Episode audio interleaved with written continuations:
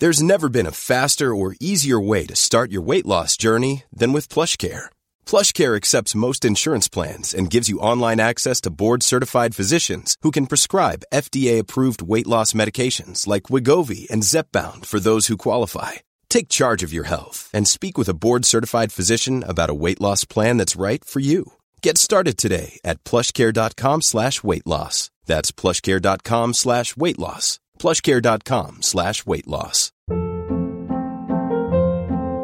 Hold up. What was that? Boring. No flavor. That was as bad as those leftovers you ate all week. Kiki Palmer here, and it's time to say hello to something fresh and guilt-free. Hello Fresh. Jazz up dinner with pecan-crusted chicken or garlic butter shrimp scampi. Now that's music to my mouth. Hello Fresh. Let's get this dinner party started. Discover all the delicious possibilities at hellofresh.com.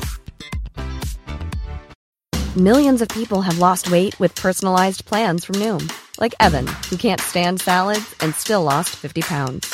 Salads, generally, for most people, are the easy button, right? For me, that wasn't an option. I never really was a salad guy. That's just not who I am. But Noom worked for me. Get your personalized plan today at Noom.com. Real Noom user compensated to provide their story. In four weeks, the typical Noom user can expect to lose one to two pounds per week. Individual results may vary. I dessa dagar när, när alla pratar om hållbarhet så hållbarhet är inte bara miljö utan för oss är det också mångfald. Och för mig personligen, liksom det här med kvinnor är jätteviktigt. Inte ur någon sorts allmänt jämställdhetsperspektiv utan för att se till att inte missa den bästa kompetensen. Alltså jag tror att både så vill jag ha in den bästa kompetensen och sen tror jag att man måste vara lite olika. Jag har kunnat ha ögonen på målet men vägen dit har jag kunnat vara ganska flexibel med.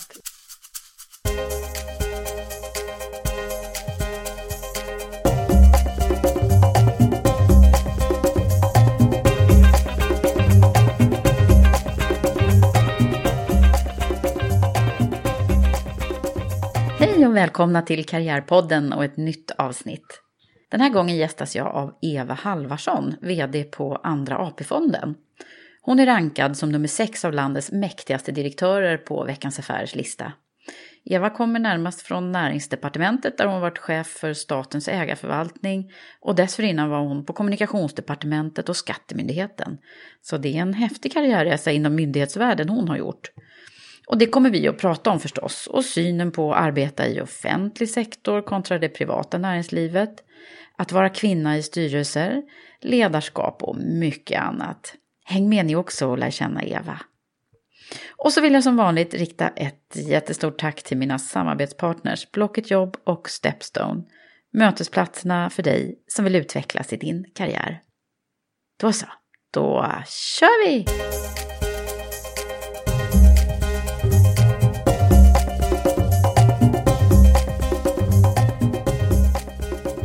Eva Halvarsson, välkommen till Karriärpodden. Tack, jättekul att vara här. Vad är det egentligen man gör när man är vd på Andra AP-fonden? Ja, eh, då försöker man att eh, leverera bra resultat på världens finaste uppdrag som det är, tycker jag. Att förvalta hela svenska, en del av hela svenska folkets eh, pensionsbuffert. Vad vi gör helt kort då är att eh, på kontoret i Göteborg så ansvarar vi för förvaltningen av ungefär 300 miljarder kronor. Ah, det är så ofantligt mycket pengar. Ja, eller hur? Det är lätt att bli... Ja, det måste ju Ja. svindla lite tänker Ja. jag när man, när man tänker på det här. Så är det. Ja. Över hela världen. Så att eh, det är många, inklusive mig själv, när jag kom dit för tio år sedan så hade man ju inte så mycket sån initierad koll på pensionssystemet. Nej. Men eh, det här är extremt kvalificerad kapitalförvaltning över hela världen. ja, just det. Så ni ser till att ta hand om våra pengar helt enkelt. Av en del av, En del av av det dem. som kommer att behövas när inbetalningarna inte räcker till för utbetalningarna kan man säga. Om Ja. man ska göra det enkelt. Ja. Och det här, var det här någonting som du hade koll på från början när du, när du trädde in där? Nej, som jag sa, eh, det är klart att man känner till övergripande hur pensionssystemet fungerar, men hur AP-fonderna såg ut eh, i detalj hade jag ju inte den kollen på. Nej. Men vad häftig resa du måste ha gjort, eh, tänker jag. Började mm, som... Men du, du måste ha varit inriktad på ekonomi från början. Var det Ja. så klart för dig? Nej, det var det inte. När jag hade gått ut eh, gymnasiet så jag visste att jag skulle, jag ville jobba några år innan jag bestämde mig för hur jag ville plugga vidare. Och då valde jag, valde jag mellan ekonomi och juridik och så valde jag ekonomi därför att jag tyckte det var brett. Därför att jag, så behövde jag inte bestämma mig så kunde jag skjuta det på framtiden. Mm, Okej. Vad vad vad vad är du uppvuxen någonstans? Eh, Jag är uppvuxen i Vansbro i Dalarna som jag misstänker hörs på dialekten. Nej, Eller jag det- hoppas. Om, det, det kommer alltid vara hem för mig. Så Ja, är det Dalkulla så? är det viktigaste och finaste jag är. Sen Är det det massa så? andra saker också. Ja, Ja. så är det. Inne i Vansbro eller? Vansbro city, ja. jag det- vet inte om det är så stor skillnad på inne i eller utanför. Nej. Men något utanför. Ja. Och då simmar man Vansbrosimmet varje gång eller? När man Nej, du, den har jag simmat först på senare tid. Jag, sitter, jag har faktiskt ett otroligt fint styrelseuppdrag. Det är att jag sitter i styrelsen för Vansbrosimningen. Mhm. Så att eh, jag har eh, summit och jag har gjort eh, Tjejklassikern Ah. för, något år, för två år sedan. Sen bröt jag benet så att nu är jag på rehabiliteringstur. Mm. okej. Men du, Gunde, det är där han kommer ifrån va? Ja, det är en skolkamrat med mig. Han Är är också sant? 62 Ja. S. Mm, mm.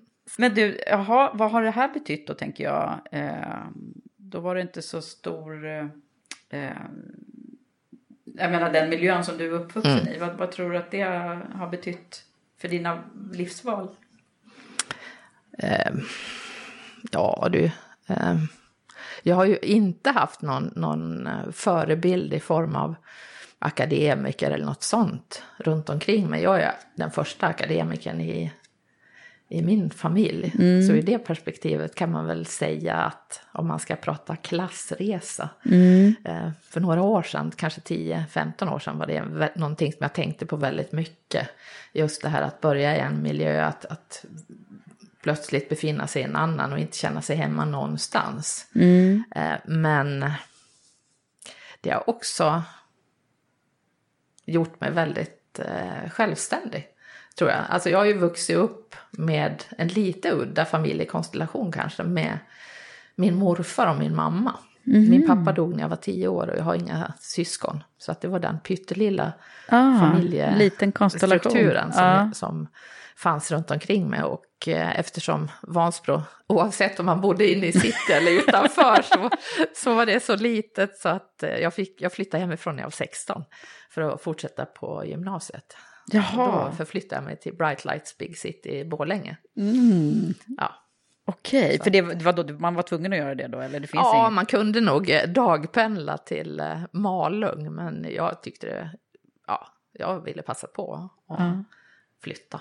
Just jag tyckte det var dags. Ja. Vad gjorde din mamma då? Eh, Min mamma var hemmafru. Eh, Hon jobbade på Pressbyrån fram till hon fick barn och sen var hon hemma. Mm. Okej, ja men då Ja. är det ju lite så. Ofta så, det är faktiskt någonting som jag har reflekterat över när jag, det, det är inte alltid som det blir, alltså som, det, som föräldrarna har, utan eh, det är ganska Nej. ofta som det blir diametralt någonting annat Ja, faktiskt. Nej, men för mig, jag hade otroligt lätt för mig i skolan så det var alltid självklart att jag skulle eh, plugga vidare. Fast jag visste inte Blev du sporrad liksom hemifrån att du skulle göra det, eller var det ett Nej, eget inte val? hemifrån, ja, men det var support fast ingen, inga krav eftersom de hade ju inte den bakgrunden och det var inte viktigt för dem att, att jag eh, skulle utbilda mig på det Nej. sättet. Men de ville ju att jag skulle ta tillvara på talangen och göra det som jag trivdes med. Mm. det var ju jätteskönt. Alltså det fanns support men inga, inga krav. Ja, just Eh, det. Fast jag har en väldigt stark drivkraft i att jag ska klara mig själv. Jag ska klara mig själv och tjäna mina egna pengar. Jag menar, Hollywoodfru är ingenting för mig kan jag säga. nej. Gud vad gott det är att känna att man kan stå på egna ben. Okej, så där hittar vi en drivkraft. Absolut. direkt. Mm. Ja. Yes. Och vad tror du den kommer eh, hemifrån på något sätt då, eller? Du, jag tror den faktiskt, om man ska titta ett steg tillbaka på min mormor och morfar. Min mormor hade redan eh, gått bort när jag föddes, men, men de jobbade, min mormor var kokerska och min morfar var chaufför och sen en disponentfamilj i Vansbro. Och jag tror att det triggade mig till att jag ska minsann inte vara någon som vad ska jag säga, tjänar. Nej, det kanske är annan. fel uttryck, men eh, Mm, jag jag, förstår ska klara mig själv. Jag ska, alltid, jag ska inte vara beroende av någon annan för att fatta mina beslut. Liksom. Mm. Eh, Vad häftigt. När man, Ja. Ofta är det ju så här, det går ju flera generationer tillbaka också. När man, alltså, Vi Ja. har ju vår historia Yes. därför att våra föräldrar har... Ja, eh, ja det är Ja. spännande det där. Vi får ge oss in i släktforskning. Ja, ja. yes. Men du, hur, hur, hur var du egentligen när du var liten tjej då? hur jag var? Eh, duktig. Nej, Men jag var, hade, som jag sa, väldigt eh, lätt för mig eh, i skolan. Vilket innebar att jag fick väldiga frihetsgrader. Jag fick eh, liksom läsa andra årskursers eh, material innan, alltså fastän jag var i en årskurs under och så vidare. Plus att jag var en rätt besvärlig tonåring. Lite högljudd och bråkig och sånt Jaha, där. så då- Mm. Men det var helt okej för lärarna. Därför att när jag gick igång och bråkade i klassrummet och sådär så, så sa, kom jag ihåg att lärarna sa sen till min mamma när hon var där på sina utvecklingssamtal att ja, Eva hjälper mig att hålla ordning i klassrummet. Så det var liksom någon sorts payback därför att jag var duktig så kunde man inte sortera in mig i stökfacket. Nej, utan då nej. fick jag stöka fick fast stöka på, på. Mm. mina pro- premisser lite grann. Jaha, vad häftigt. Så du hade lite ledarprofil där redan då? Alltså. Nej, det skulle jag inte eh, påstå. Fast kanske, ja, jo. På något sätt? ja. Det är så svårt att se sig själv i den, hur man var när man var barn. Eller när man växte upp. Och sen är det klart att jag präglar väldigt mycket av att min pappa dog när jag bara var tio år. Och eh, jag inte har några syskon. ja. Eh, min Vad mamma har det har inga betytt syskon liksom tror du? För dig? heller. Eh, att det alltid har varit, dels har det alltid varit ett väldigt fokus på mig hemma i familjen. Det är inte så, jag skulle inte kunna komma hem med en vante fel direkt. Nej. Liksom, det är inte så att den försvinner i den stora helheten utan allting, det var väldigt tydligt vad jag gjorde och var jag var och allting sånt, inte minst när man kommer tillbaka till tonåren igen. Det fanns ju ingenting som, jag menar jag var ju mina föräldrars och min mammas experimentbarn om man säger så, det första. Sen blir de ju lugnare som, som föräldrar det kommer fler, men, men jag var ju hela tiden själv. Men det var ju också väldigt skönt, jag hade inte, jag kommer inte ihåg att jag längtade så jättemycket efter något syskon. Ja, skulle jag ha en syskon så ville jag ha en tvillingbror. Det kommer jag ihåg. För då, skulle vi, då hade man ju ett sällskap jämt. Just det, en kompis sådär. En liksom. kille, en kille En kille vill du ha? Mm. Hur kommer det sig då? Jag vet inte. Nej. Eh, Det skulle vara en av varje sådär. En, Mm.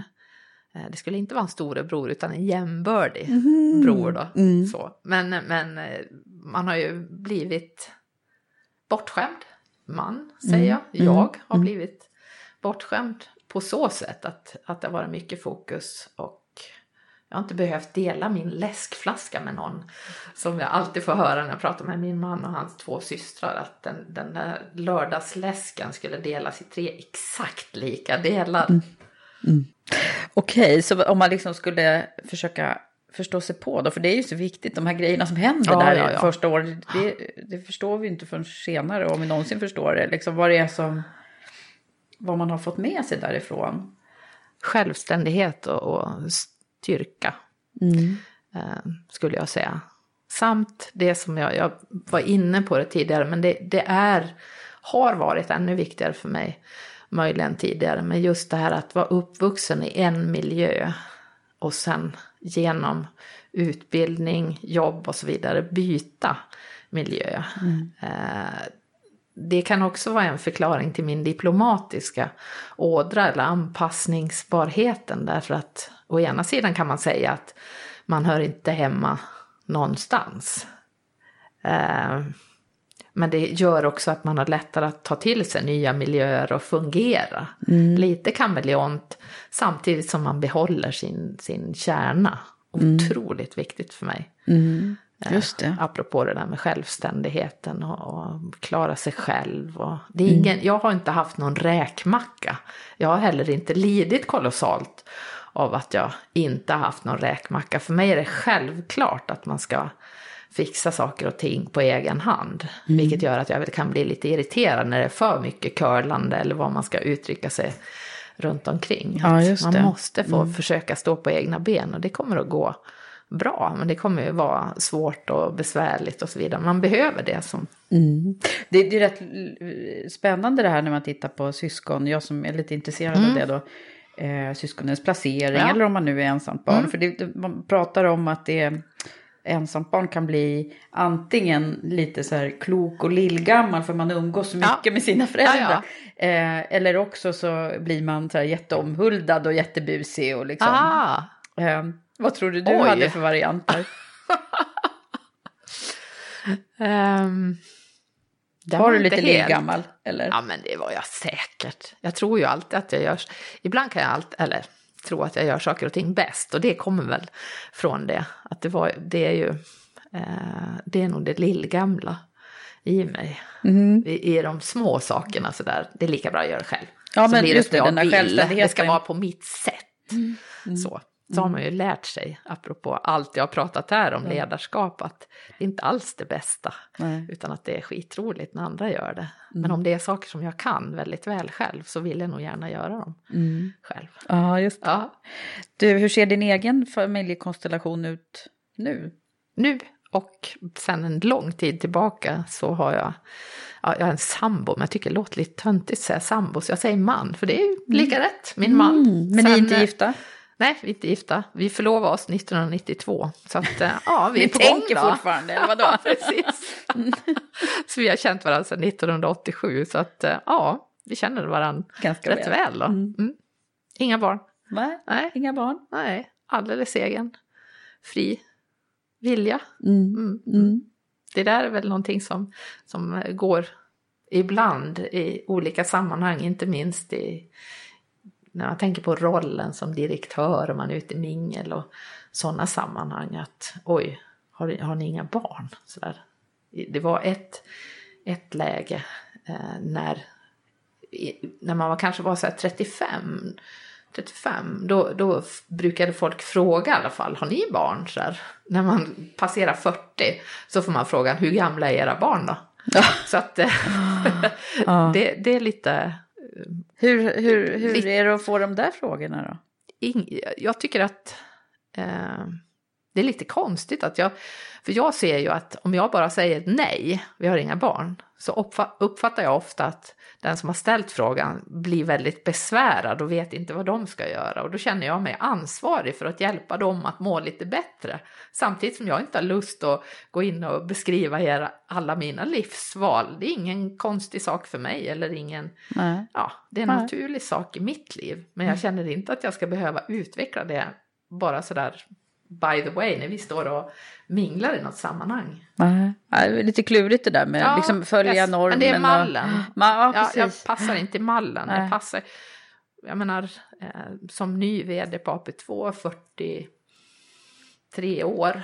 Eh, jag menar, jag följde inte mallen i olika sammanhang där heller.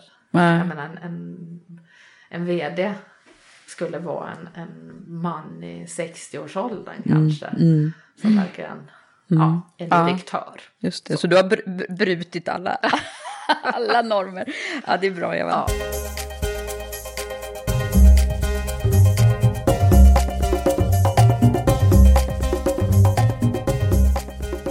Men om man annars då, hur, hur gick dina tankegångar där om du erinrar dig? Vad vad var drömmen då eh, när du åkte, började åka till Borlänge? Hur gick det till sen liksom att det blev Handelshögskolan i Göteborg som jag, jag har förstått att det blev då? Eh, efter eh, gymnasiet så visste jag ju att nej men jag ska ju börja plugga, fast jag visste inte vad. Eh, av någon outgrundlig anledning så sökte jag in som sjukgymnast. Därför att det var det som då var allra svårast att komma in på. Det var nog 5,0 på det eller något sånt. För det var ju den tidens eh, betygsskala. Eh, och lyckligtvis så insåg jag att det där var ingenting för mig. Alltså sjukvården, jag är ju nästan en sån som svimmar, bara någon närmar sig mig med en nål. Nu var ju inte det rehabilitering, nej men det var helt galet tänkt får jag säga. Så att eh, jag besinnade mig där och så tänkte jag jag ska jobba ett tag, några år innan jag börjar plugga. Och eftersom nästan alla i Dalarna flyttat till Stockholm eh, så tänkte jag att det kan jag absolut inte göra, utan då flyttade jag till Göteborg. Och då hade jag aldrig varit i Göteborg. Det låter ju inte så wild and crazy om man jämför med dagens ungdomar som är ute och reser flera år, men då var det ganska, ja, så då flyttade jag till Göteborg. Och det här med att du kunde göra som alla andra, är det någonting som är utmärkande för dig också? Ja, jag ogillar just det här att, att göra som alla andra bara för sakens skull. Sen måste jag inte göra tvärtom heller, men det, det finns en liten upprorisk mm, En liten rebell inut, inuti mig, ja. absolut. Ja, mm. Vad kul. Jaha, då har vi hittat lite olika ja. grejer redan här. Ja. Jaha, så blev det handel, så hur var det där då? Uh, nej men det var bra. Jag har inga sådana där jätte... Eftersom jag hade jobbat två år innan, jag, jag började jobba på posten. Eh, jag kom in på, det fanns en traineeutbildning eh, den triggade ju mig också. Skälet att jag sökte den var att det var svårt att komma in på den. De hade 800 sökande och de tog in 10 personer tror jag, någonting sånt där. Så att jag började på den, den traineeutbildningen och jobbade ett par år tror jag. Ja, just det. Eh, och hur var det på Handels? Det var bra, det som fascinerade mig på Handels var att då hade ju jag, då ska man komma ihåg att jag hade flyttat hemifrån sex när jag var 16. Mm. Så jag hade ju levt ganska länge, om vi säger att jag hade i alla fall fem, fem år som, som för mig själv. Och när jag kom till Handels i Göteborg så började folk prata om vad gör din pappa? Och såna här saker mm. som jag tyckte var helt häpnadsväckande. Eh, sådär. Vadå, jag är väl en person Just som det. jag står och går. Det är inte viktigt vad mina föräldrar har gjort. Det var min första lilla kontakt med en annan värld, mm. tror jag. Mm. Där det var betydelsefullt vad för föräldrarna hade gjort. gjort. Då måste jag ha levt ett naivt eh, liv i en bubbla fram till dess på något sätt i alla fall. Då. Ja, ja. Mm. så ett uppvaknande där. Ja, lite, ja. lite. Men, men det var intressant och, och trevligt och sådär. Men eftersom jag redan hade bott i Göteborg så var det inget vilt studentliv direkt. Nej, okej. Okay. Mm.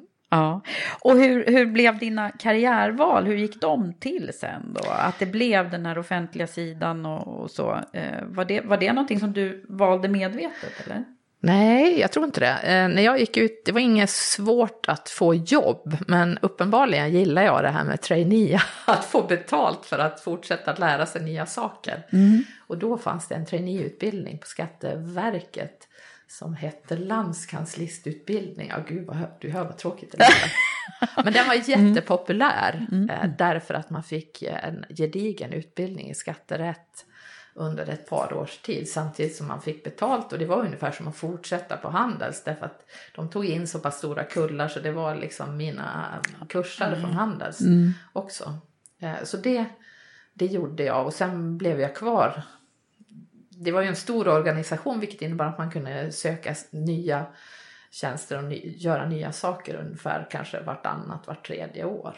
Så att jag själv har försökt titta i backspegeln mm. och se, men gud, vad var drivkraften här då? Mm. Så var det ju att man fick stort eget ansvar tidigt. Jag okay. gillar det.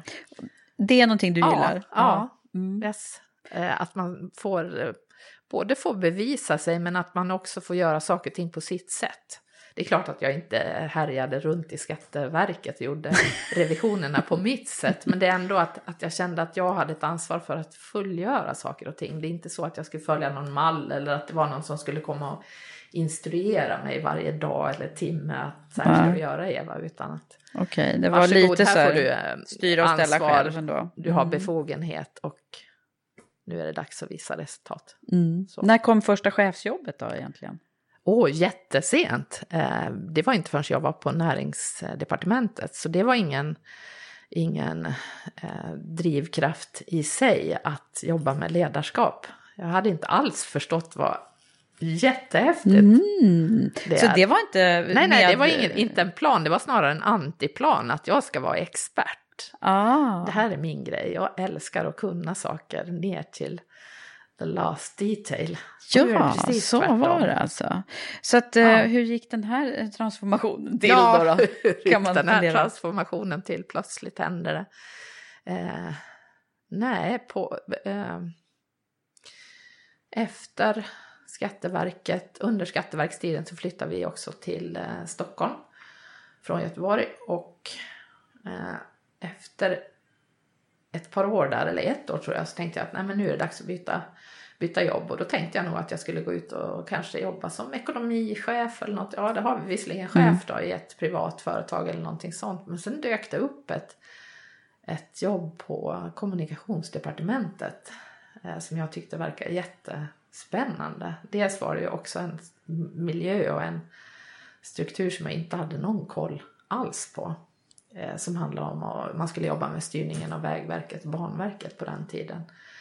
Eh, och efter att ha varit där ett antal år så slog man ju ihop tre stycken departement och bildade nya näringsdepartementet med Björn Rosengren som minister. Och jag fick frågan om jag ville vara med på att man skulle starta en helt ny enhet som skulle jobba med styrningen av de statliga bolagen, att professionalisera den och utveckla den. För den var helt ny då? Den var helt ny. Just det. Alltså den fanns delvis på det gamla näringsdepartementet men Mm. den skulle startas om. Man rekryterade en chef från en engelsk investmentbank och så satte man ihop ett litet team. Jag tror det var sex personer eller något sånt. Just det. Eh, och den, Den finns ju fortfarande. senare. Den Ja. finns fortfarande kvar. Jag eh, pratade med dem senast igår. Ja. Eh, och eh, där fick jag senare ett, en, sökte jag jobbet som eh, chef.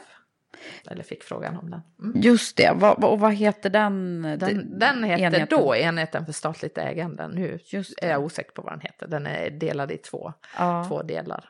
Och hur var det då när du gick in i den här ledarrollen från att ha varit den här experten? Minns du någonting ifrån? Ja, dina oh ja, tankar och- ja. Eh, det gör jag. Eh, naivt så ska jag väl erkänna att när jag var en av medarbetarna på enheten som jag hade som växte under tiden från oss sex, på, som, oss sex som, som startade här så kanske vi var, kan vi vara 15-20. Eh, så när jag hade sett ledarskapet från sidan så tänkte jag att det där kan ju inte vara så svårt. Liksom, jag tyckte ju hela tiden att jag hade jättebra idéer om så här ska vi göra och det kan ju inte vara så stor skillnad. Men hallå, välkommen till verkligheten Eva. Ja. Och så från en dag till en annan så har man en annan roll vid bordet. Eh, och det var ju en, en otrolig lärdom över hur folk över en natt behandlade en olika gamla Ja. kollegor. Jag blev alltså chef över mina gamla kollegor, vilket är en, en, eh, en snabb väg till att lära sig väldigt mycket mer om sig själv.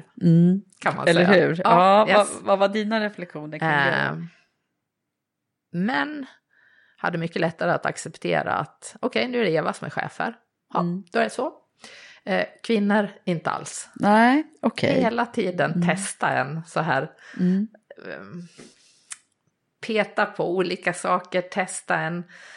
Eh, testa beslutsfähigheten. Eh, ja, Men det har- där är ju intressant alltså. Vadå, så att tjejer eh, har eh, lite svårare att acceptera eh, tjejer Eller så som... vill man eh, pröva att jag förtjänar förtroendet som chef kanske. Mm. Det är inte, det är inte visitkort, vad det står på visitkortet som gäller utan om jag förtjänar förtroendet kan jag tänka om jag ska vara snäll. Ja, och om Fast du då inte var jag snäll. inte så snäll. Då tänkte jag ju inte så. Äh, men det Nej. var ju skitjobbigt men också otroligt lärorikt. För jag fick ju lov att gå till botten med hur vill jag vara som chef. Så att man inte blir springer på att försöka tillfredsställa alla olika medarbetare med olika önskemål om hur, hur, ledaren ska, hur ledarskapet ska vara. Ja, för mig är det, det har ju utvecklats under tidens lopp och jag är extremt vad ska jag säga, öppen och, och inbjudande till delaktighet och så vidare. Men det är skillnad när jag vet varför jag gör det och att jag kan vara tydlig till medarbetarna från början att what you see is what you get. Mm. Alltså det, det är det här som, som du får välja om du vill jobba med mig. Okej. Det är alltid så när man Mm. rekryterar att det är inte bara en som väljer utan båda två ska välja. Mm. Ju tydligare man kan bli desto Desto bättre blir det. lyckligare tror jag Mm. att det kan bli Mm. på sikt. Om vi glider in på det då, hur, hur, hur är du som chef? Eh, Eller ledare? öppen. Eh, Det jag sa, mm, det är otroligt. Det, det finns ingen dold agenda hos mig utan jag försöker vara så öppen jag någonsin kan. Jag har ju lärt eh, att kommunikation är otroligt viktigt och inte bara viktigt, det är jätteroligt. Eh, och för mig är teamet kommer alltid vara det som får mig att ticka som mest när vi lyckas med någonting tillsammans. Jag är inte den med de vassa armbågarna och så vidare. Jag, jag är inte den som tror heller att om man har en, en stjärna i teamet att den ska få bete sig hur som helst. Vi hade en, i ett sammanhang för, för ganska många år sedan hade vi en, en diskussion om, om det i ledningsgruppen där vi hade lite olika uppfattning om att ja, men om det bara är någon som presterar i vår värld av finansbranschen som tjänar en massa pengar spelar det väl ingen roll hur de beter sig. Jo, det gör det. Därför att jag tror att man kan få många blommor att blomma om många fler. Alltså man måste se potentialen. Det finns potential hos alla. Och en stjärna kan faktiskt kväva den. De andra. Om, Sen kan stjärnorna vara fantastiska också. Men inte att man ska vara stjärna på bekostnad av någon annan. Det är möjligt att, att andra har en annan syn på det. Men i en verksamhet som jag leder kan det aldrig vara en del av kulturen. Nej. Det där är ju intressant det där med liksom lön kontra, eh, för, eh, alltså i, i finansvärlden så är ju det verkligen, men är det så så är det också. Alltså att det är det som är drivkraften för många. Ja, alltså det är klart, vi är ju, vi är ju en bransch där som är prissatt på ett eh, väldigt generöst sätt jämfört med många andra branscher och sektorer i samhället. Men eh, det är ju definitivt inte så att AP-fonderna på något sätt är löneledande eller något sånt. Och jag uppfattar inte att eh, det, vi pratar ju mycket om drivkrafter internt och vi jobbar med vår kultur och, och värderingar och så vidare. Och jag tror inte att eh, det skulle vara att göra det alldeles för enkelt för sig och säga att det alena som driver oss är den egna ersättningen. Det är ju det superhäftiga uppdrag vi har och sen till exempel att få möjlighet att jobba med några av världens främsta specialister inom sina områden. Det är i alla fall det som driver mig och jag tror att eh, det driver väldigt många av oss. Men jag tänker på det kontra finansvärlden i övrigt. Ja. Eh, Ja, men intressant, för jag, jag tänkte på det. När jag kom till AP2, vad vill jag åstadkomma? Det var ju inte så att jag kom ju inte från... vi- Jag finns ju i en bransch där det är väldigt vanligt att man rekryterar experterna till chefer.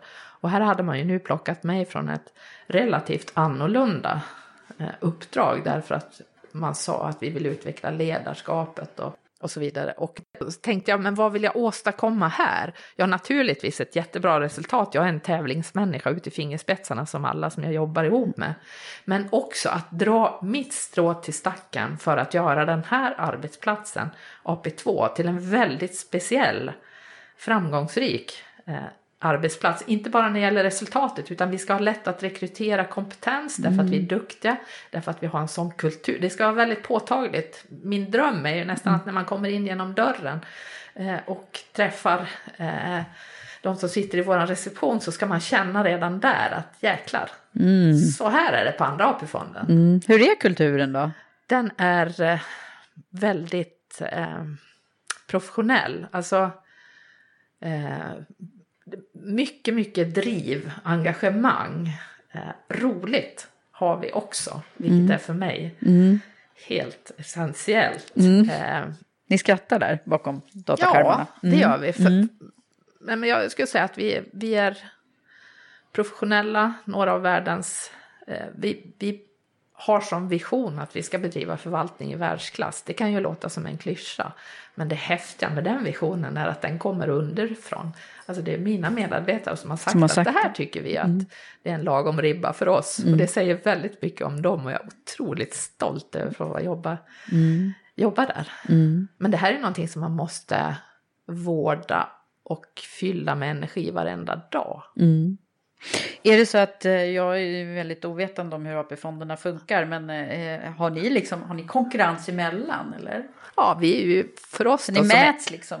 Ja, för oss som är en av fyra stora mm. AP-fonder med samma uppdrag, vi fick samma påse pengar eh, från början, så vi bedriver ju verksamheten i konkurrens. Mm. Eh, men vi bedriver ju också verksamheten i konkurrens med alla andra som håller på med långsiktig kapitalförvaltning. Så att eh, det, det, är en väldigt nära benchmark men det finns en risk i att titta för nära på syskonen om jag säger så. Ja. Då, då kan man ju tendera att glömma bort den stora världen. Mm, eh, men det är, nog, det är nog bra för uppdragsgivaren att ha fyra eh, ganska Alltså att fyra fonder med lika uppdrag som gör saker och ting på så olika sätt. Mm. Vad är det som skiljer er åt då? Förutom att du är i Göteborg. Ja, ja det har jag förstått. Men...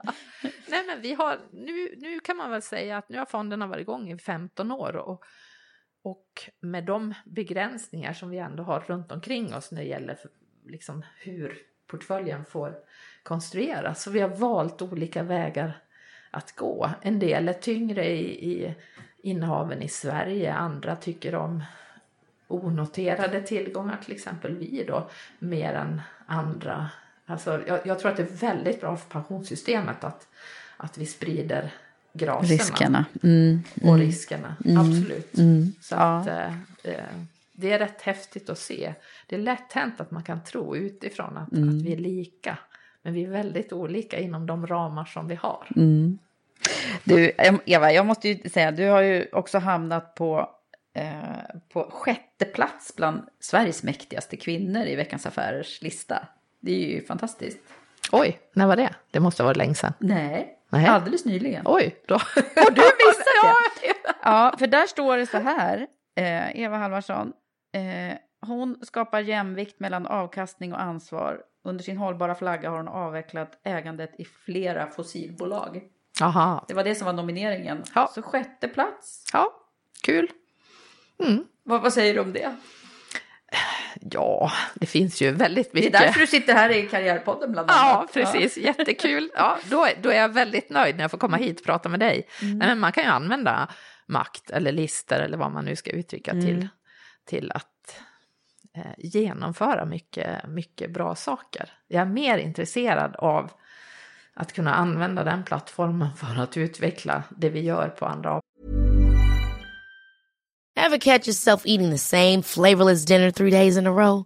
Dreaming of something better? Well, hello fresh is your guilt free dream come true baby. It's me, Gigi Palmer. Let's wake up those taste buds with hot juicy pecan crusted chicken or garlic butter shrimp scampi. Mm. Hello fresh. Stop dreaming of all the delicious possibilities and dig in at HelloFresh.com. Let's get this dinner party started. Hiring for your small business? If you're not looking for professionals on LinkedIn, you're looking in the wrong place. That's like looking for your car keys in a fish tank. LinkedIn helps you hire professionals you can't find anywhere else, even those who aren't actively searching for a new job but might be open to the perfect role. In a given month, over 70% of LinkedIn users don't even visit other leading job sites. So start looking in the right place. With LinkedIn, you can hire professionals like a professional. Post your free job on linkedin.com slash achieve today. Wow. Nice. Yeah. What you're hearing are the sounds of people everywhere putting on Bombas socks, underwear, and T-shirts made from absurdly soft materials that feel like plush clouds.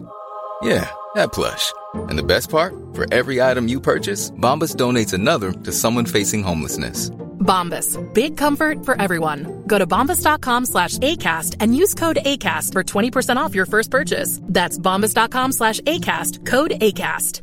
Hey, it's Ryan Reynolds, and I'm here with Keith, co star of my upcoming film, If, only in theaters, May 17th. Do you want to tell people the big news?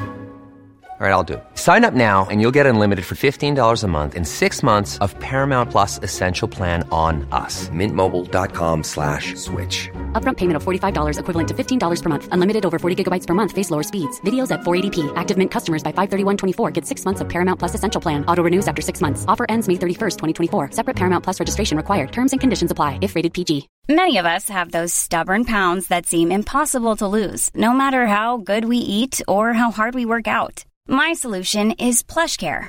PlushCare is a leading telehealth provider with doctors who are there for you day and night to partner with you in your weight loss journey. They can prescribe FDA-approved weight loss medications like Wagovi and Zepbound for those who qualify. Plus, they accept most insurance plans. To get started, visit plushcare.com slash weight loss. That's plushcare.com slash weight loss. Än så mycket för mig själv personligen faktiskt. Det kan ju låta sådär löjligt ödmjukt men, men teamet kommer alltid vara, eller teamet och uppdraget är viktigare Viktig. för mig än Ja, okej. mig Det är själv. liksom drivkraften i sig. Men det är jättekul för då får Men- AP2 eh, uppmärksamhet en och vi jobbar väldigt bra med just de frågorna som, som är upptagna där. Sen Mm. jobbar vi superbra med andra frågor också, men Mm. det är från tid till annat. Just nu är det oerhört fokus på hållbarhetsfrågorna och det kommer det ju vara Mm. också framöver. Framöver, ja. Ja. Men då undrar man ju genast, Eva, hur har du, liksom, hur har du blivit så här framgångsrik? Det är det, det är det vi forskar i då. Då har vi hittat lite där drivkrafter ifrån när du var liten och, och så. Men vad tror du annars då? Om du själv liksom försöker sätta dig på, lite på sidan om, vilket är jättesvårt. Men vad, vad är det som har varit dina framgångsfaktorer? Ehm, det är nog... För länge sedan så, så satte jag upp någon typ av eh, egen vision. Nej, det låter ju eh, pretentiöst. Jag hade tre ledord för mig själv Ja. som, som förkortas GÖM, G-Ö-M. Och det var glädje, öppenhet och mod. Och de har varit framgångsrika för mig. Därför att, eh, nu pratar vi om det här med självständighet tidigare, men det är också, om jag inte skulle ha kul på det jag sysslar med, då skulle jag förtvina och dö. Alltså det, det går inte att, och med det betyder inte, jag kommer ihåg när jag kom till AP2 första gången och, och sa att nu ska vi ha kul på jobbet och så tittade de lite så skeptiskt på mig och så tänkte de herregud, här kommer en kvinna som inte kommer från kapitalförvaltningsbranschen, antagligen inte förstår hur professionella vi är utan pratar om att vi ska ha kul. Ja men man kan ha kul och det har vi. Jag skulle inte säga att det finns någon eh, motsats i det. Man kan ha kul och vara superprofessionell. Eh, men det måste finnas glimten i ögat och, så att man inte tar sig själv på så fruktansvärt stort allvar. Eh, och den här öppenhet är också en, en sak som har varit viktig för mig och som jag tror har varit framgångsrik. Att vara inbjuda till delaktighet men också vara väldigt öppen med det jag vet. Och att vara öppen handlar också om för mig att, att visa eh, att man kan vara, att man gör fel. Att man kan erkänna att, att man gör fel. Och den tredje delen, mod. Ja, de- den handlar ju också om att man måste kunna göra fel. Eh, man måste våga anställa folk som är duktigare än sig själv. Eh, jag har 65, eller vi är 65 personer. 64 av dem är bättre på det de gör än mig. Och det, så måste det vara. Att, eh, det är ju jättehäftigt men det, det kräver en, ett visst mod Verkligen. faktiskt Mm. för att hela tiden möta experter och ex- människor som, som kan sina saker mycket bättre än vad jag kan. Och att få förtroende från dem att ändå leda helheten. Eh, sen har jag en diplomatisk ådra som kanske inte är, om vi är ihop med den här självständigheten, så finns det också en, en väldig anpassningsbarhet eh, som har varit otroligt framgångsrik tror jag för mig. Därför att jag har kunnat ha ögonen på målet. Men vägen dit har jag kunnat vara ganska flexibel med. Jag, jag tycker jag ser ofta folk som kör i diket därför att deras ego kanske inte kan ta att man man, man, man ska, man ska ett visst svänga. mål. Nej, man ska svänga och så vidare. Mm. Men så är det så himla viktigt att jag måste, det måste sy, jag måste synas hela vägen fram här. Mm. Nej, man kan nå det där målet med list och smartness. Ja, ja. Eh, Mm. Och inte minst när man ska navigera en politisk värld. Jag har Mm. jobbat tio år i regeringskansliet så den har nog varit till stor nytta. Ja, där det. att man får välja sina strider, man får försöka se hur man ska lyckas Mm. Uppnå målet. Det krävs Dock en del att liksom där. Mm. utplåna sig själv. Men, ja.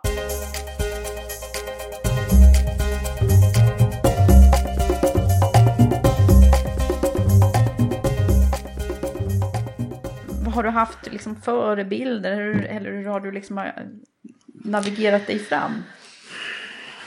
Nej, jag är väldigt dålig på förebilder sådär. Eh, Jag kan snappa upp en sak här och en sak där och sätta ihop det. Därför att det är på något sätt, det är viktigt för mig att vara mig själv. Jag kan inte vara eh, någon annan. Men jag har en, en chefsförebild från väldigt eh, tidigt på, på Skattemyndigheten. Eh, Lars-Åke Larsson, om du hör det här, det vet du. Eh, som var en av mina första chefer på skatte, skatteförvaltningen. Som var en väldigt eh, bra chef, alltså kunde ge ansvar och se till att ha, eh, göra medarbetarna delaktiga. Eh, och låta en, en utföra jobbet men ändå följa upp. Det var, ingen, det var ingen tvivel om att det var han som ledde verksamheten men man fick känna att man var en, en viktig del av den. Eh, okej. Det har jag burit med mig och sagt till Lars-Åke. Stöt, Eh, stöttade han dig mycket? Och Inte liksom- mig specifikt Nej. tror jag, ja kanske, men också eh, liksom ledde teamet på ett sätt som kändes eh, när man är sådär 25, man kanske inte reflekterar så himla mycket. Jag gjorde inte det, jag ska inte säga man, jag reflekterade inte så mycket på ledarskapet utan eh, drivkrafterna förändras ju under årens lopp. Initialt så är man fokuserad mer på sig själv och ju mer tiden går desto mer är det på, vad ska jag säga, uppdraget, teamet, ledarskapet, Mm, på helheten. helheten. Ja, precis. Mm. Ha, okej, men hur har det gått till när du har, när du har liksom bytt, när du har fått nya uppdrag och så? Är det du själv som har tänkt att nu är det dags att byta här eller har du blivit plockad Både, och dit? både, både och. Eh, senast eh, för tio år sedan eh, när jag rekryterades till AP2 så var det en headhunter. Då får jag väl dela med mig av en sån här pinsam, ja men det är så, jag har ju jobbat mycket med att, att peppa andra kvinnor och, och så vidare. Och ja, sig själv känner man ju bäst. När headhuntern ringde till mig så tänkte jag, min första tanke var så här, men gud han har ringt fel. Nej! är det sant? Ja, ja. Herregud alltså, Du man är så inte. hård mot sig själv. Du trodde Ja. inte att du skulle Nej. vara liksom tillräckligt... Nej, jag vet Nej. inte varför. Att, nej, men det här var ju en annan bransch, även om det, det finns väldigt mycket likheter mellan det jag hade gjort och, och så vidare. Och just att de... Ja, för då var du på näringsdepartementet Då var jag på som chef näringsdepartementet för som chef för eh, eh, ägarförvaltning. statliga ägandet. Mm, just det. Mm. Ja, Ja, men, det var helt Va? otroligt. Vad hände då? Nej, jag, initialt så sa jag nej. Eh, Men de eh, fortsatte och sa kan vi inte träffas, vi kan beskriva det här för dig och hur vi har tänkt oss. Och jag fick träffa några av medarbetarna och, och sådär. Så att jag är otroligt glad att jag tackar ja. Ja. Ja, det har varit en, en resa upp och ner förstås. Men eh, ja, det är verkligen en ynnest att få ha det här superintressanta jobbet Mm. ihop med världens bästa medarbetare. Så att, eh, ja. Ja, det låter härligt. Och du har varit Ja. där sedan 2006, så du har varit Ja, där ett tag yes, nu. Hur håller man ångan uppe då undrar jag? Ja, man kan säga att kapitalmarknaden ser väl till att man håller ångan uppe. uppe. Yes. Ja. Eh, Där är väl några av mina största lärdomar i tiden på, på AP2 som också är, det är klart att eh, det finns en utmaning mellan att ha ett, ett uppdrag som kanske är på 30-40 års sikt när vi lägger fast inriktningen eh, och sen leva i ett nu där man realtid kan mäta resultatet. Varje sekund så kan vi slå på skärmen och titta hur, Mm, hur går det? Mm. Samtidigt som vi ska hålla huvudet kallt, is i magen och, och jobba för det långsiktiga resultatet. Ja. Att för det är åtskilliga miljarder som det Ja, handlar om. Hur mycket är är det. det i 300 miljarder. 300? Yes. Oh. Mm. Som du, hanterar, eller du och dina Ja. medarbetare hanterar. Som Mm, vi. Jag tänkte, åh gud, vi har inte tid att sitta här. ja. Nej, men vad Ja. häftigt.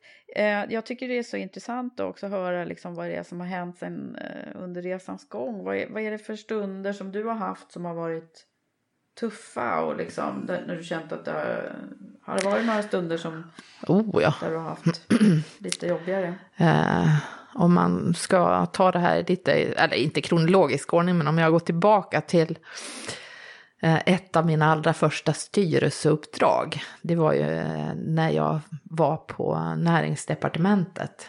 Eh, uppdraget var ju då att förändra styrningen av de statliga bolagen som hade fått leva sitt eget liv ganska fredade från ägaren under många år. Så man hade en ganska, vad ska jag säga, yvig verksamhet. Och här kom vi, vi hade uppdraget att eh, se över eh, verksamheterna som man sysslar med, kärnverksamheten. Vi skulle förändra bemanningen i styrelsen, professionalisera ägandet och, och verksamheterna. Och eh, att vara relativt ung kvinna under 40, representera ägaren, kanske vara enda kvinna i en styrelse. Var det så då? Ja, gå in där och, och vara Mm. första, min första styrelseerfarenhet också. Det var ju en, Mm. en spännande och ibland jäkligt jobbig Mm. tid. Ehm, Vad var det som var jobbigt? Var det hos dig själv eller hur det blev ja, bemött? Eller? både och. Alltså dels att, att ifrågasätta sig själv. Har jag verkligen den kompetens som behövs? Har jag verkligen... Eh, fast kanske inte så mycket det ändå, ska jag säga. Men eh, bemötandet, lilla stumpan. Mm. Här ska inte du komma och... Liksom, man kunde inte bortse från mig eftersom jag faktiskt satt direkt på ägarens uppdrag. Men man tyckte ju att du ska nog ta och hålla tyst här. Och jag är ändå inte den som gick in och röjde och var otrevlig på något sätt. Men jag hade ett uppdrag. Eh, och det skulle slutföras. Så att jag har sett väldigt många olika intressanta arter av styrelsearbete kan man väl säga. Från eh, ja, under min karriär generellt sett från, från jättebra till eh, när man faktiskt fortsätter ett styrelsemöte efter det att jag har lämnat styrelsen och, fört till protokollet beslut som Nej. har tagits därefter. Det måste ju vara till och med Oj. olagligt. Men Ja. jag tänker inte gå in Nej, på. Men jag har sett varianter. Jag har sett eh, styrelseordföranden som säger till ny, nya styrelseledamöter att ja, här sitter man, här, man väntar ett år innan man uttalar sig. Jag har sett eh, styrelseordföranden eh, ordföranden som sätter ut såna namnskyltar vid eh, bordet.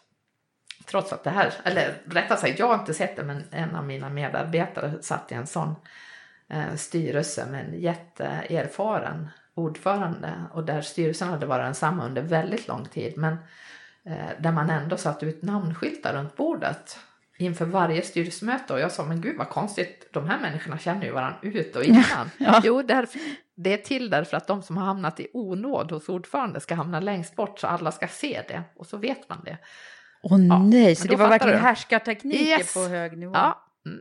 så att det, det var jätte eh, eh, spännande kan man säga och lärorikt. Och det är också därför som en av de sakerna jag tycker är mest roligt är att jobba med styrelsearbete och få det att fungera väl och, och hjälpa till att sätta ihop ett team eller att jobba själv i en styrelse. Mm. Det, det är en, eh, rätt använt kan det vara en fantastisk konkurrens. Just det. faktor. Alltså, då, då kan ju du göra underverk om du får ordförandeskapet och, och sätta en helt annan struktur. Ja, eller bara miljö. hjälpa till som, som ägare i ägarrollen att rekrytera en bra styrelse och Ja, följa just upp hur det. fungerar. Och, och Just det, för det är du med och, och gör en hel Ja, del. vi va? sitter ju en del eh, valberedningar, inte jag själv så, så mycket längre, men eftersom jag satt på näringsdepartementet, där hade vi ju ansvar för att utse 400 styrelseledamöter årligen, så att i Ja, just 60 det. bolag. Så att, eh, Ja. Där otroligt. jobbade vi väldigt mycket med att, att öka andelen kvinnor också. Ja, det såg jag att, att ni har tagit ett initiativ till att, att, att göra det, ja. Öka antalet kvinnor i Ja, styrelsen. men det har vi jobbat med. Både, alltså, dels har jag jobbat med det i min Ja. tidigare roll och där måste jag ju säga supereloge till staten som är så himla duktig. Mm. Det är ju inget problem. Nej. Där ser det ju ut så. Titta på ordförandeposterna i de statliga bolagen. Mm. De är ju är nästan 50-50.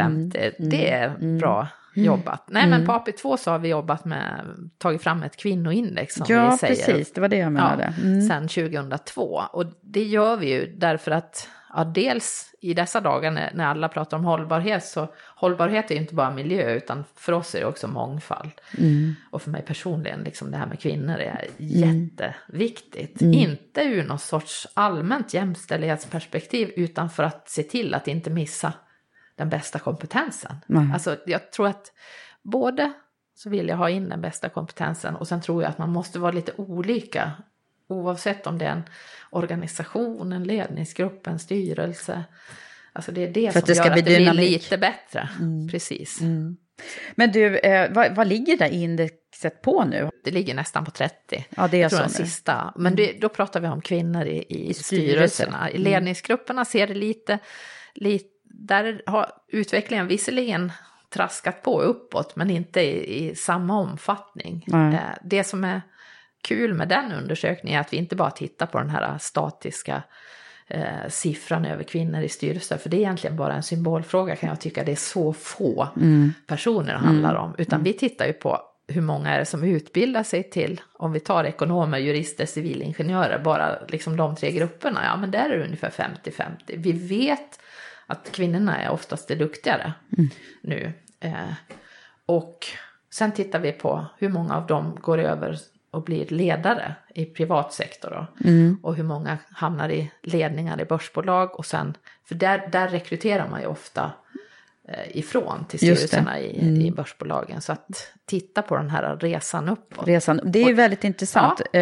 vi har ju haft Allbright-stiftelsen. Ja, just det. Jag såg det. Rebecka, ja. Mm. Eh, nej, Amanda Ja, Lundeteg. Amanda Lundeteg, och hon, ja.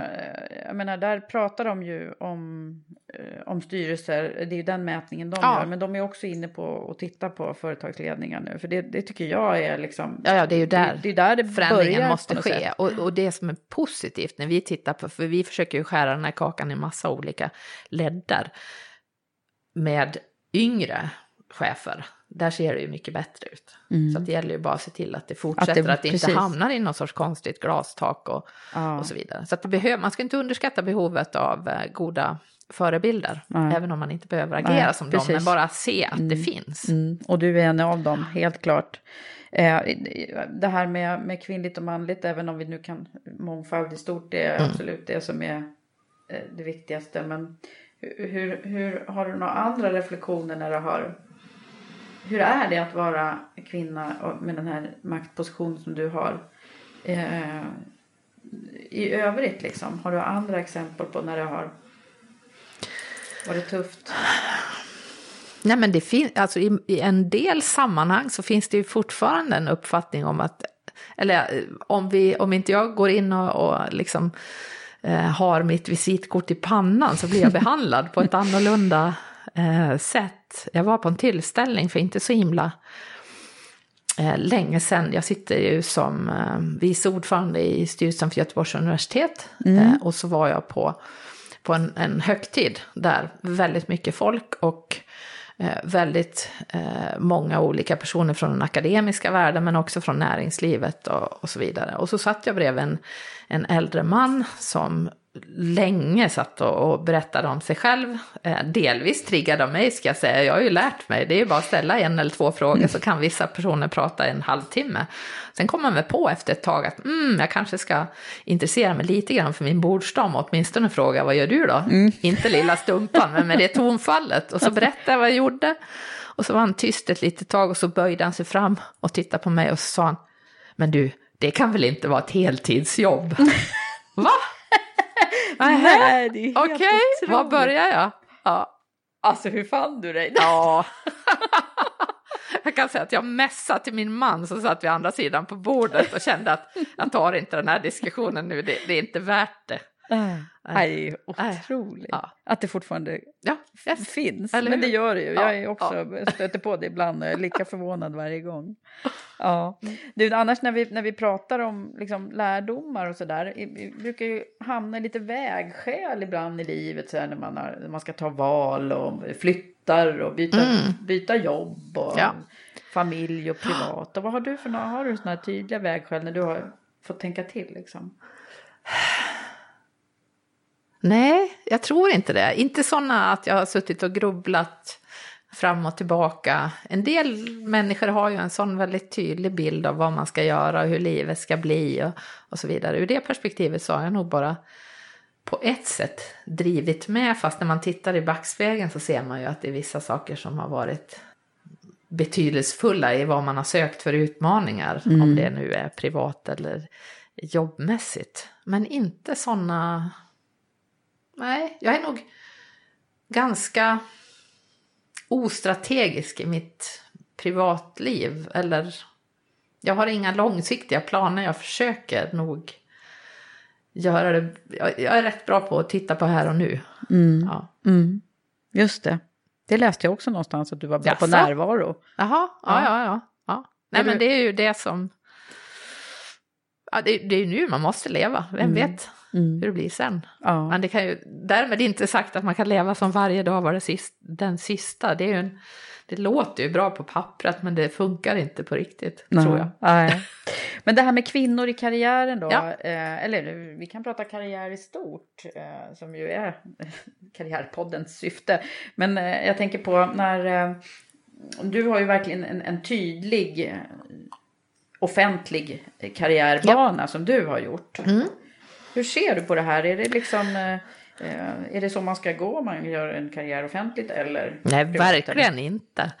Eh, jag är den första att eh, prata med varm för att, att vi behöver ha fler gränsöverskridare. På så sätt kan jag ändå tycka att, eller, att man behöver förflytta sig mellan olika sektorer. Om man ser att jag började i en, en myndighet, sen gick jag till regeringskansliet som är en helt annan struktur måste jag ändå säga. Och på andra AP-fonden är jag ju i princip i näringslivet därför att det är väldigt, ja uppdraget skiljer mm. men arbetssättet och miljön som vi verkar i till vardags är ju... Mm. Du är väldigt nära ja, liksom nu. Mm. absolut.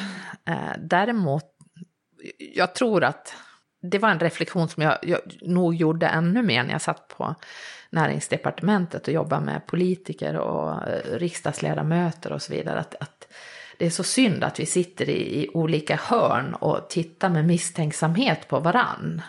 Eh, jag är också, som jag sa då, aktiv i Göteborgs universitets styrelse. Alltså den akademiska världen är en värld, näringslivet, mm. eh, den, den, offentliga sektorn och så vidare. Mm. Vilken dynamik det skulle bli om vi hade lite mer utbyte mellan de mm. sektorerna. Ja, verkligen. Det är för Tror lite jag. liksom. Ja, och just den här tråkiga skepsisen som man ser och som man möter. Jag vet att jag kunde bli galen på, på frågan när jag var departementsråd på näringsdepartementet. När jag fick frågan, och när ska du börja jobba privat då? Precis som det var, det var väl, det var ju bra Alltså i, i, ur perspektivet det som jag pratar om, mm. att man skulle byta. Mm. Men man frågade inte av det skälet, utan då, jag brukar kontra med att säga, jaha, hur ofta, inte för att jag jämställer mig med Marcus Wallenberg, men hur ofta frågar ni honom om man ska jobba offentligt? Det, alltså frågan är ju bra ställd, men misstaget man gör när det gäller offentlig sektor, att man på något sätt likställer lön med kompetens. Och det kan reta mig till vansinne. Mm. Alltså det finns ju hur mycket kompetens som helst i alla våra olika sektorer. Att vissa är prissatta på en sak, det är en helt annan mm. sak än mm. kompetens. Det är inte så att, att folk är mindre kompetenta därför att de har mindre lön. Då har man missförstått saker grovt och det finns en tendens i näringslivet till att ha en lite von oben attityd ibland mm. när det gäller de delarna. Jaha, och liksom titta ner på offentligt? Ja, precis. Mm. Och hur ser ni på, offent- på privata då? Om man ja, men nu det. känner jag mig som att jag är, du är lite mix. den ja. äh, delen. Ja. Nej, men det, man ska inte generalisera någonstans, oavsett om det är i de frågorna eller mellan kvinnor och män. Men just det här att ju mer vi lär känna varann, Mm. desto mer kan vi utnyttja. Det är ju som i det lilla på AP2. Alltså ju bättre vi samarbetar, desto bättre resultat får vi och desto, Mm. mer, desto mer trivs vi. Desto mer attraktiv blir vi som arbetsgivare och så rullar det på. Mm. Ja, jag tror verkligen du har rätt. För det finns ju väldigt mycket förutfattade meningar om Exakt. båda världarna på Ja, något sätt. Att ja. liksom man ska Ja, vara just det, är man på en myndighet då går man i träskor och släpar fötterna efter sig. Ja. Ja, Eller också, jag tänker framförallt på det här med den byråkratiska processen, Ja. liksom att man måste vara en speciell människotyp för att klara av och hantera att det är lite så här, Ja. eh, lite, det är inte så snabba beslut Nej, och det, nej. Men titta på några av, jag har ju haft mm, förmånen eh, att eh, när man har, har företrätt staten som ägare så kanske man, så har man ju också stött på och diskuterat med personer som har suttit och representerat stora privata sfärer. Eh, Och när vi har bytt erfarenheter så har ju vi kunnat konstatera att det är ganska likt. Alltså just det här att det kan vara lite byråkratiskt med besluten. Det är inte, eh, det kan, att, att jobba i en politisk värld. Eh, det, det kan komma dimensioner i beslutsfattandet som man inte hade med sig som tjänsteman när man plockade fram ett, ett eh, beslutsunderlag. Och på precis samma sätt i en privat sfär så kan det finnas en, en önskan hos en storägare om någonting som eh, de som jobbar i, det bolaget eller i den sfären inte hade med i sitt beslutsunderlag. Så att det skiljer sig egentligen inte så Nej, mycket nej. mer än eh, Nej, i stora bolag och utifrån. internationella Ja. organisationer. Det finns ju Yes. otroligt mycket processer som man kan Ja. tycka är långbänk även Ja, där. ja. Jag som har jobbat, egentligen är entreprenör, men har jobbat i stora organisationer ibland. Och, och det, det kan ju vara jätte, Ja. jättekomplicerade övningar Ja. jag håller på med där också. Men du, eh, ska vi försöka också ringa in, eh, vad har du för någonting som du vill skicka med i form av dina lärdomar som du eh, kan göra om till tips? Till Oj. De här som är nu kanske på gång eller det kan ju finnas olika situationer där man behöver få lite inspiration ifrån någon som, som har varit så framgångsrik som du. Eh, Eh, ja, som du har förstått så kommer ju ett tips vara att man ska vara sig själv. Eh, jag tror att det har varit en lärdom, trots att jag har grubblat väldigt mycket kring, inte minst när jag kom till Andra AP-fonden och inte kunde hantverket, att eh, ska jag lägga all min tid och kraft på att lära mig hantverket eller ska jag jobba med det som, som ligger på, på, i mitt uppdrag? Och jag tror att om man är sig själv och vågar man ska göra sin egen karriär. Man ska inte heller göra någon annans karriär för att det ser bra ut på CV eller någonting sånt där. För är man sig själv så kan man se sig i spegeln varje, varje morgon och tycka att det är helt, det är okej liksom. Och i det ligger ju också att man måste ju ta ansvar både för sig själv och, och alltså funkar det inte, trivs man inte så kan man inte lägga det på någon annan. Nej. Då måste man själv försöka göra någonting åt det. Sen Precis. tror jag det finns en annan sida av ansvar som är bra att ta ansvar om du får möjligheten till det. Jag beskrev ju tidigt att min, min röda tråd var att jag fick ja, eget, Eget ansvar, ansvar. tidigt. Och det kan du få en massa olika sätt. Det behöver inte vara att du, du är chef och ledare utan att du kan få ansvar för ett projekt eller någonting sånt. Att du kan få visa att du kan leverera någonting utifrån eget huvud. Att du inte behöver vad ska jag säga, coachas och ledas i varenda steg utan att du kan ta ansvar och eh, använda det på ett, ett klokt Mm. sätt. Ja. Sen hade jag en tredje sak, nu har jag glömt bort den, jag måste suga på den. jag får komma tillbaka till den. ja, du kan komma till. Vi, Ja. kan, vi kan eh, gå över till den här eh, skicka vidare-frågan som jag ju har i varje avsnitt också. Som eh, ju här handlar om eh, Frida Boysen som, som var min förra gäst. Som ju är en digital stjärna då. Ja. Eh, och eh, digital chef på Bonnier Tidskrift. Mm. Hon ställde en fråga som hon inte visste då vem hon skulle ställa den till. Eh, och eh, den handlar om, eh, den lyder så här, jag läser den för dig. Hur jobbar du med sociala medier för att utveckla ditt ledarskap och göra det ännu mer framgångsrikt? Och det är klart att hon var nyfiken av det och hon tänkte att, ja, så inspirerad att höra hur, hur Ja, ja, andra ja. gör och tänker kring den här frågan. Absolut. Eh, då kan jag säga att för att utveckla mitt ledarskap, jag har ju förmånen att vara ledare i en organisation med 65 eh, personer. För mig är ledarskap, ledarskap live är helt nödvändigt. Alltså mm. det är jätteviktigt och det får mig att eh, ge mig energi. Eh, så att när det gäller digitala medier så, så mitt ledarskap använder jag inte det för att utveckla.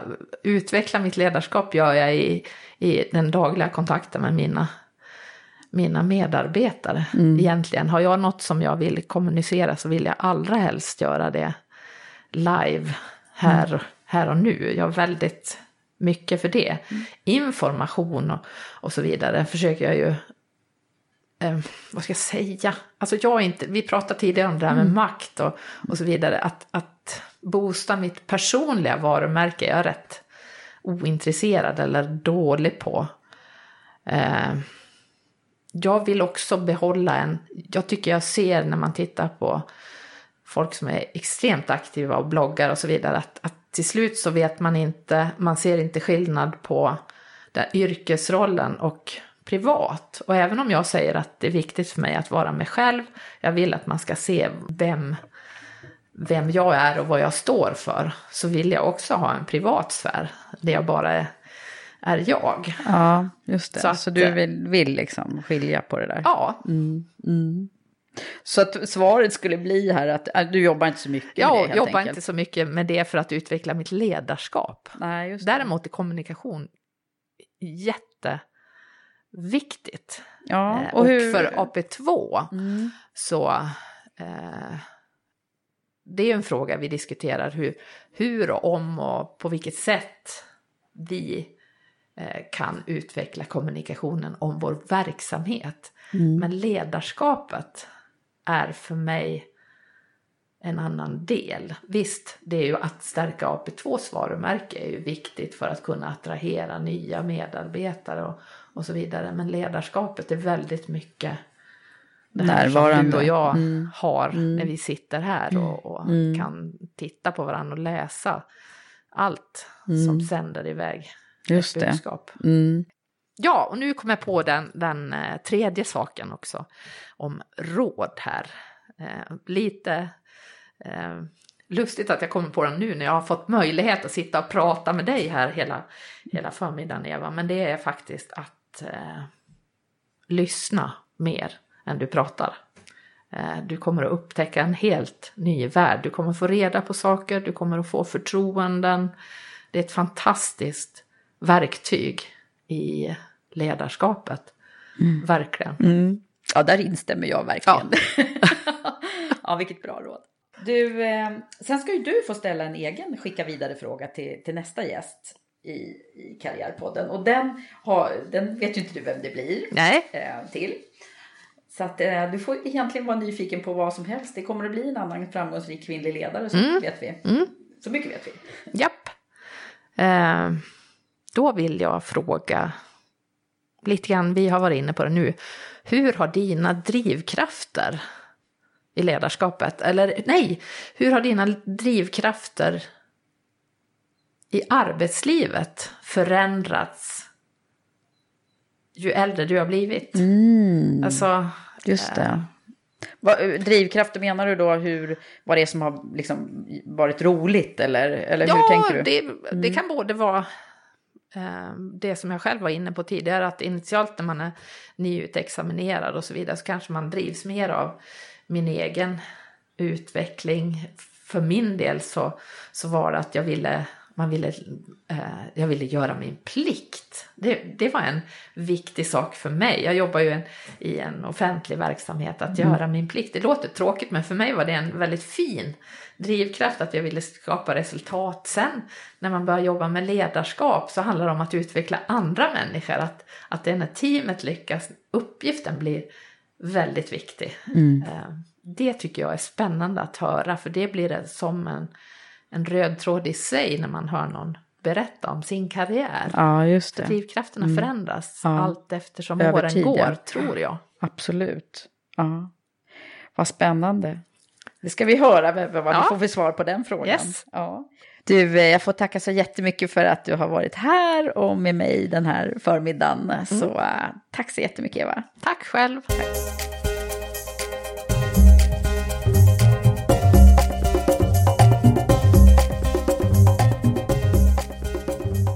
Så här efter vårt samtal tänker jag återigen vad betydelsefullt och intressant det är att reflektera över vad man har fått med sig från början och hur det på olika sätt formar våra personligheter och avgör våra livs och karriärval. Det är ju tydligt att det är som Eva säger, att hon har med sig mycket av sin självständighet och styrka därifrån Dalarna där hon är uppvuxen och hur hon tidigt fick eget ansvar. Hon inger också ett lugn och verkar vara sådär diplomatisk och inte alls prestigefylld. Ja, och vad ska man säga om det hon berättar om hur det fortfarande kan gå till i styrelserummet och i de gamla manligt styrda miljöerna och hur det fortfarande finns så mycket att göra för att jobba med jämställdhetsfrågan och mångfald. Det gör mig påmind om varför jag drog igång Karriärpodden för att belysa och lyfta fram framgångsrika kvinnliga ledare som kan inspirera oss. Tack Eva för att du har varit med och för att du gör det du gör. Vi hörs snart igen hörni. Tack för att ni har lyssnat och hejar på Karriärpodden. Och hjälp oss gärna genom att gå in och skriva en recension eller likea på iTunes under fliken recensioner där. Då blir vi nämligen mer synliga och fler hittar till Karriärpodden. Avslutningsvis vill jag också tacka mina samarbetspartners Blocket Jobb och Stepstone som är mötesplatserna för dig som vill titta på möjligheterna att utvecklas i din karriär. Hej så länge!